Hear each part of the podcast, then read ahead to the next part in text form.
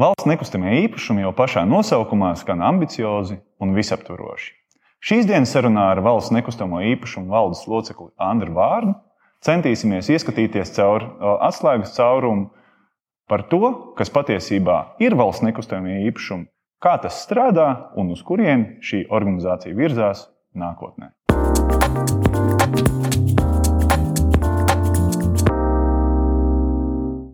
Valsts nekustamie īpašumi skan ambiciozi un visaptvaroši. Kas ir valsts nekustamie īpašumi? Cik tev ir pārvaldībā nekustamie īpašumi, zemes, kvadrātmetru biroja? Jā, tad valsts nekustamie īpašumi ir uh, valsts kapitāla sabiedrība.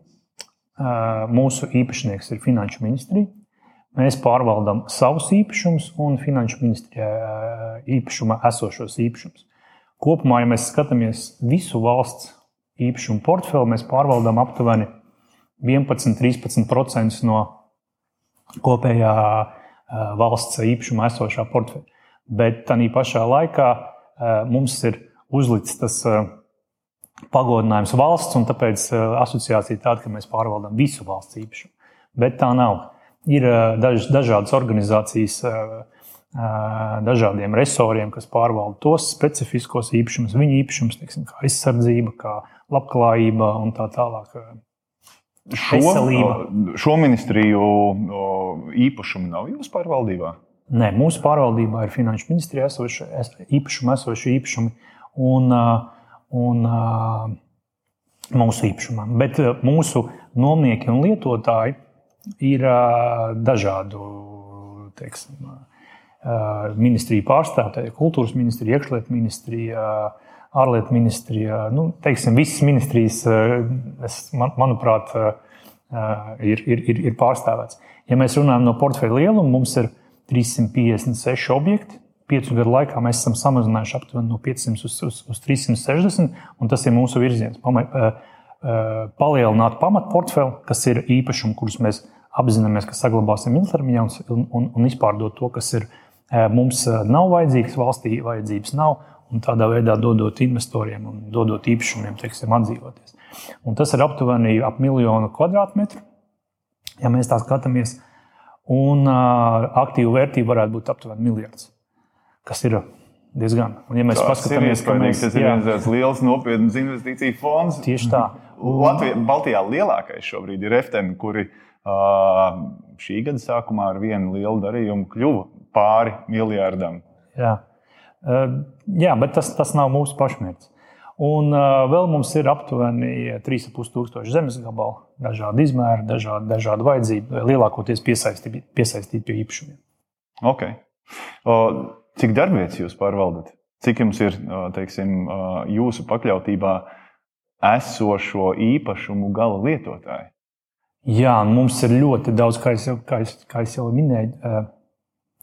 Ja mēs, ja mēs sastruktūrējam mūsu īpašumus pēc lietošanas ir ļoti dažādi. Ir kultūras objekti, ir skaidrs, ka tam ir sava funkcija, ir infrastruktūras objekti, kā piemēram robežas, ir drošības objekti un ir arī biroji. Un ņemot vērā arī dažu institūciju specifiku, mēs nevaram biroju saukt par klasisko biroju. Bet lielākoties tie, tie ir biroji.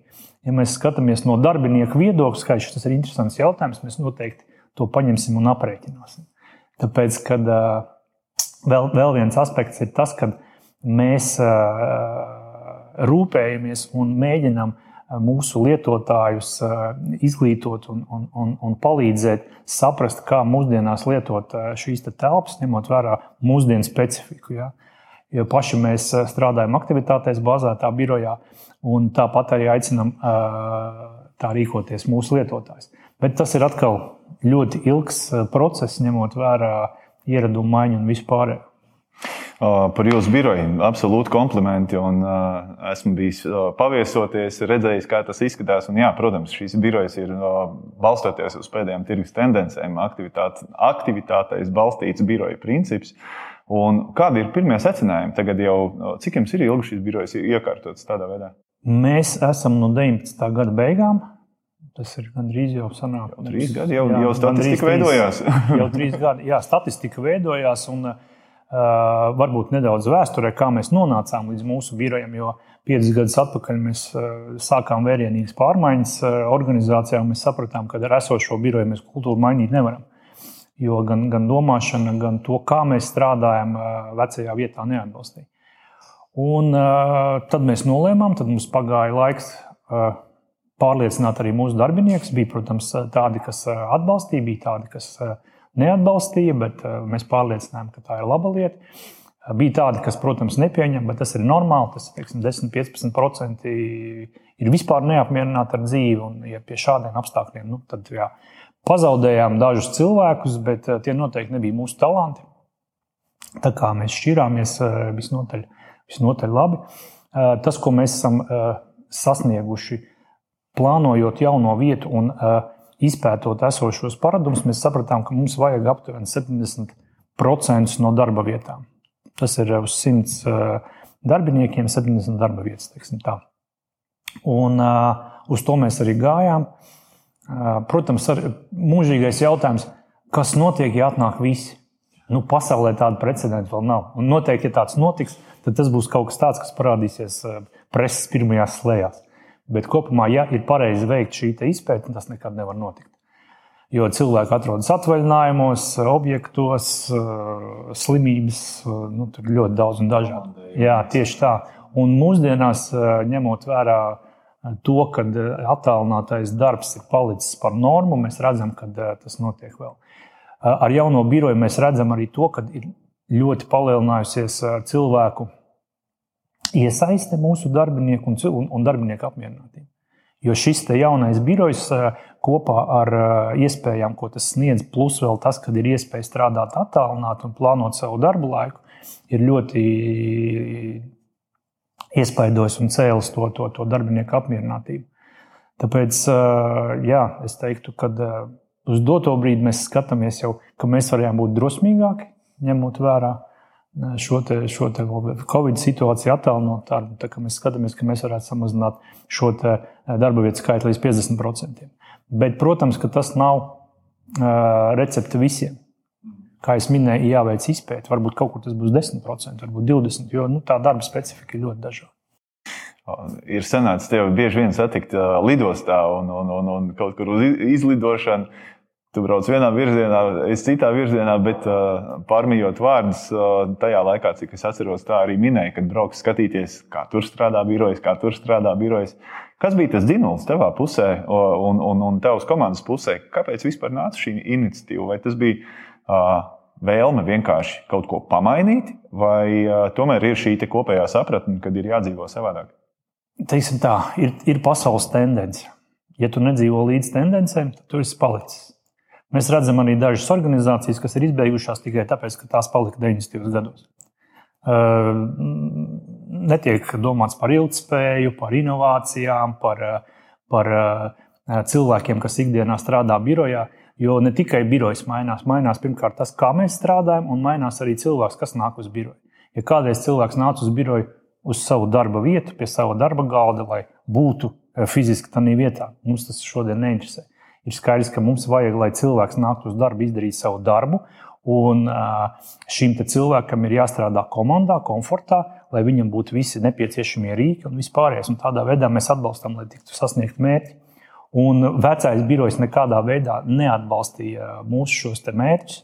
Un bija skaidrs, ka arī kā tendence, skaidrs, ka mums būs jāmainās. Un starptautiskā pieredze ir tas, ka, kas bieži vien netiek izmantots. Mēs bieži vien izgudrojam riteni. Es joprojām saskaros mūsu valstī ar to, ka mēs izdomājam kaut ko tādu, kas sen jau ir izdomāts, vienkārši jāpaņem un jāpaliek. Viens piemērs ir, mēs esam izstrādājuši publiskā sektora biroja vadlīnijas.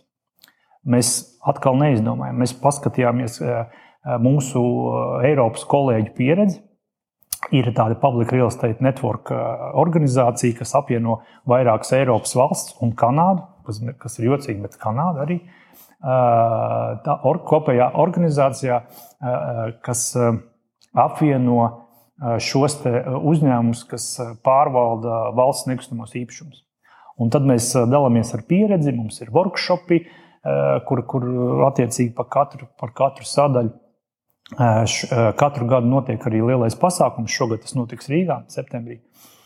Un, jā, un tad, tad, tad, tad mēs apskatījāmies, kas būtu visvieglāk pielāgojams mūsu situācijai. Tie izrādījās Briti. Mēs sazinājāmies ar saviem britu kolēģiem, palūdzām, vai mēs drīkstam izmantot viņu materiālu. Viņi laipni atļāva, vēl iedeva papildus visu, kas mums bija nepieciešams. Mēs to visu adaptējām mūsu vajadzībām un likumdošanām. Mums bija gatavs materiāls.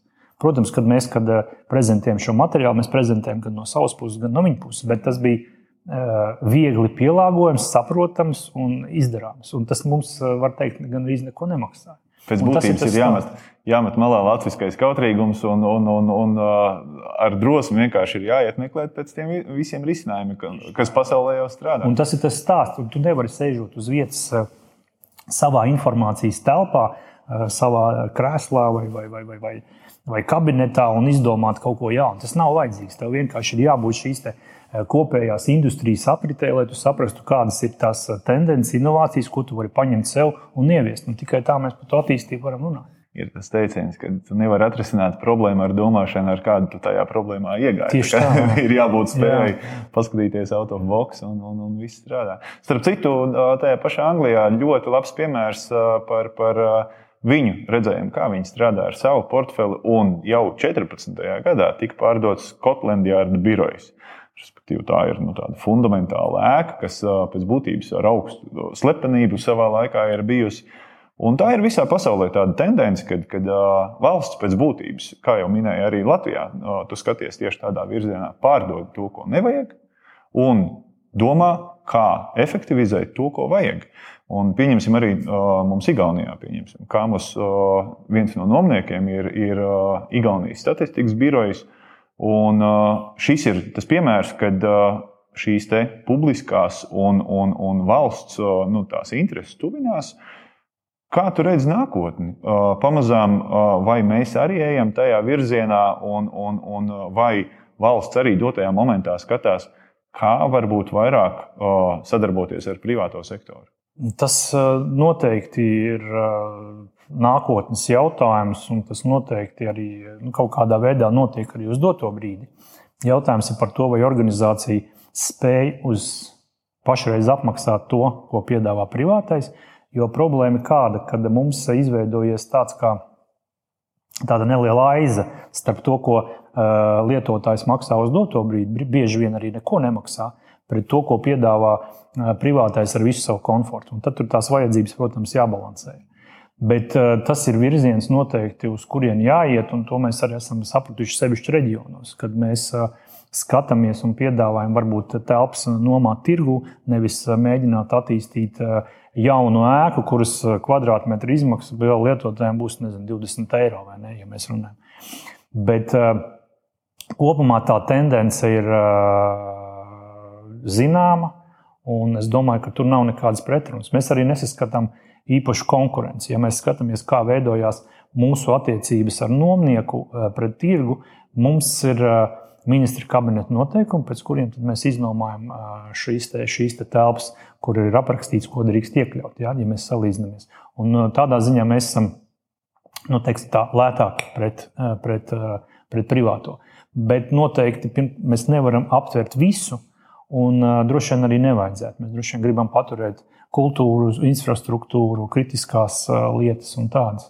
Bet tas, tas ir virziens, uz, uz kuru ir jāiet droši vien, bet uh, ne tik lielā apjomā. Nē, es, es pilnībā piekrītu, ka ir šīs kaut kādas struktūras. Nu, augstas slepenības infrastruktūras objekti vai, vai tā, tie paši kultūras objekti, kur būsim godīgi, nu, tā nav komercija, tā ir, tā ir kaut kāda funkcija nodrošināšana. Bet, teiksim, standarta biroja funkciju.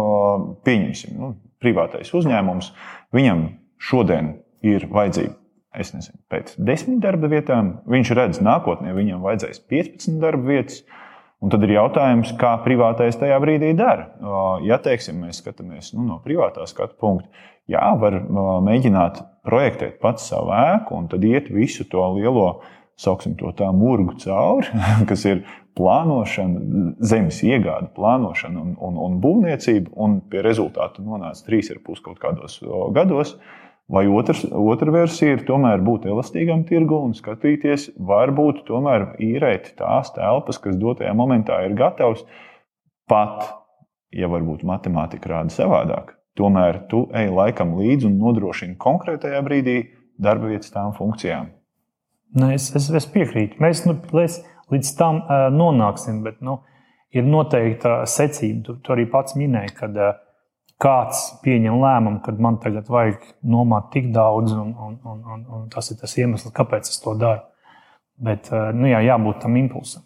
Tas ko, tas, ko mēs arī tagad novērojam, impulss ir dots uh, no, no, no, no Covid tādā ziņā, ka ir skaidrs, ka var arī strādāt no mājām, var arī strādāt no mājām valsts pārvaldē, var strādāt attālināti, var strādāt citā pilsētā, ja kas iepriekš nebija. Bet joprojām mēs uh, cīnāmies ar to, ka cilvēki ir sauguši ar savām darba vietām. Es nākšu uz darba vietu divas, trīs reizes nedēļā, bet arī pašā laikā es gribētu, lai mans kabinets tur paliek, ja? jo man tur ir mapes un vēl kaut kas. Tas, tas, ir, tas ir skaidrs, bet, eh, protams, ka eh, šim impulsam jānāk no lietotāja. Mēs varam piedāvāt eh, šo risinājumu. Ja lietotājiem ir vēlme, mēs to varam izdarīt. Jo mēs par tām pašām slepenajām lietām skatāmies, teiksim, drošības iestādes Somijā. Strādā activity-based konceptā un nekādu jautājumu attiecībā par slepeniem dokumentiem. Vēl kaut kas ir, kaut kas, manuprāt, slepenie dokumenti bija personāla failu. Ja? Tas, tas bija tas, kas noslēgts. Pārējais viss ir atrisināts. Tur ir secība, tur ir domāšanas maiņa, vispirms vadības vēlme to, to darīt, tad ir dažādi tīri izcinājumi, bez kuriem tas nenotiks, investīcija un tādā vietā uz priekšu. Bet kopumā, protams, ja mēs skatāmies arī pašreizējās enerģijas cenu pieaugumu pret, pret to, kā mēs lietojam telpas cilvēks sāk domāt, kā, kā, kā, kā no šīs situācijas iziet. Un tagad šogad es biju konferencē Londonā no International Facility Management, Institute of Facility Management. Un interesanti vēl, vēl viens fakts pieminēšu, kad institūta CEO ir uh, sieviete ar Latvijas saknēm. Un tad, kad es viņu personīgi gribēju iepazīties, es viņu pazinu, teiksim, tā neklātienē. Jā, un tad, kad es iepazinos ar viņu personīgi, viņa man nāca teikt, ka labdien! Tas bija priekš maniem bija tāds kultūras šoks. Bija. Viņa saka, tas ir viss, ko es zinu, latviešu tā kā viedā. Jā, un, un, tur, un, un risinājums bija vienkāršs. Un atkal tur nav nekas jārisina. Tas notiek kā Viņi saprot, ka cilvēki pirmkārt negrib nākt atpakaļ uz darbu, strādāt, to, nākt uz darbu, lai darītu savu darbu. Cilvēki grib palikt attālināti, darboties. Un, un, labi, tad, tad mēs saprotam, ka mums uz pusi jāsamazina telpas. Un lieliski, tad viņi samazina uz pusi telpas. Protams, tur ir lomas līguma, visādas nianses un tādas lietas, bet tas viss ir izcināms samazina uz pusi telpas, tad tu esi ietaupījis uz to nomas maksu, uz servis maksām, vispārējo, un tev paliek pāri nauda, lai tu varētu sekt šīs enerģijas pieaugumu, un tev vēl paliek ko cilvēkiem piemaksāt par, par, par nu, teiksim, inflācijas pieaugumu un tā tālāk. Risinājums ir vienkāršs. Tikai nu, darām. Pats jau minēja, ka, pēc būtības aktivitāte, vismaz jūsu gadījumā, aktivitāte-based principā jūs varat nodrošināt pret simts faktiskajiem, da, pret simts faktiskajiem darbiniekiem 70 darba vietas, kas pēc būtības nozīmē 30% ekonomiju. Tas nozīmē varbūt arī pat 30% telpa ekonomiju un no 30% no miljarda. Iespējams. nu, protams. Vai jums ir uh, funkcijas iet tajā virzienā arī dzēna un, un, un uh, teiksim tā, veikt auditu arī pārējās struktūrās, pārējās, pārējās vietās, kur jūs lietojat birojas. Nu, es domāju, tajā pašā sāksim varbūt ar to no finanšu ministrijas pakļautībā esošajiem īpašumiem, bet varbūt arī ar pārējām valsts struktūras telpām. Mēs kopā ar valsts kancelēju, kas atbild par, par mūsu valsts pārvaldes darbiniekiem, pašreiz strādājam pie tā, kā šajā virzienā iet un mainīt to domāšanu. Jo redz, mēs eh, neesam auditori, mēs neesam eh, eh, kaut kādi sargi, mēs esam servis piegādātāji. Jo tomēr lietotājiem jānonāk līdz tam, kad es to gribu darīt, un tad mēs esam gatavi šodien jau to piegādāt.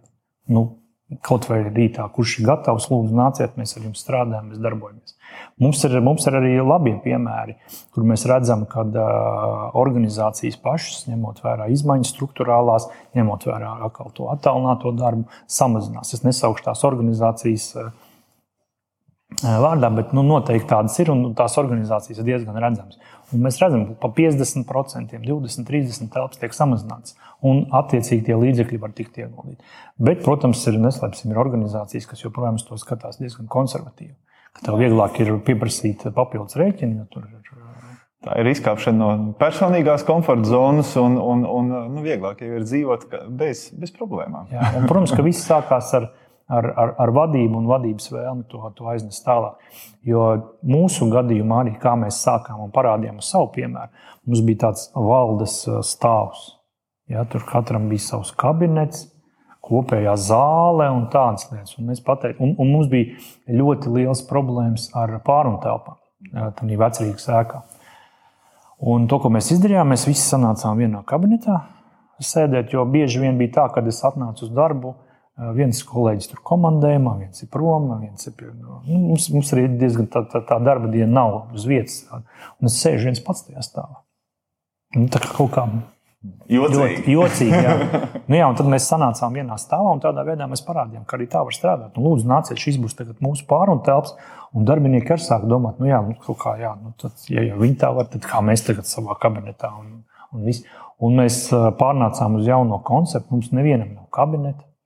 Mums ir darba vietas tikai mūsu lietvežiem, jo joprojām šis papīru aprite notiek. Un neko tur nevar padarīt pagaidām, bet tie ir tie, manuprāt, divi, trīs cilvēki, kurus mēs sagaidām, ka viņi atnāk uz darbu, atceļ, izdara savu darbu godīgi un tāds. Bet pārējiem nevienam nav. Protams, ir, ir šīs funkcijas, kas prasa fiksētās darba vietas, tāpat grāmatvedība, pieņemsim, arī diezgan grūti ir strādāt mobīli un, un, un no, vietas, no vienas darba vietas uz otru, labāk ir tomēr tas kaut kāda kārtība tam konkrētajām funkcijām. Bet arī ir darāms. Nē, es teikšu, grāmatveži mums arī bija cīņa. Jā, tur diezgan konservatīvi cilvēki bija. Vēl mums ir dažādas teiksim, funkcijas, ko mēs veicam. Teiksim, mēs pabeidzam zemes reformu. Mēs, Mums ir valsts deleģētā funkcija. Tas ir tāds varbūt mūsu neredzamā daļa, ko mēs, ko mēs darām, bet diezgan liels apjoms. Un arī cilvēki bija diezgan skeptiski. Bet pēc kaut kāda laika pastrādājot ar visām šīm iespējām, cilvēki godīgi nāca un teica, nu, Andri, tev bija taisnība. Forši. Ne, ir, ir tiešām prieks noklausīties, jo šis ir tas mīts, kas tiek apgāsts par to, vai ir, teiksim, dikti birokrātiskas tās lielās institūcijas vai nē. Bet, starp citu, jā, pats es arī darbojies līdz tam privātajā sektorā, līdz valsts nekustamajiem īpašumiem. Es biju lielu investīciju fondu portfeļu pārvaldnieks, teiksim tā, un, un, un bankā es strādāju. Kur tu redzi šīs būtiskākās atšķirības pārvaldības modelī?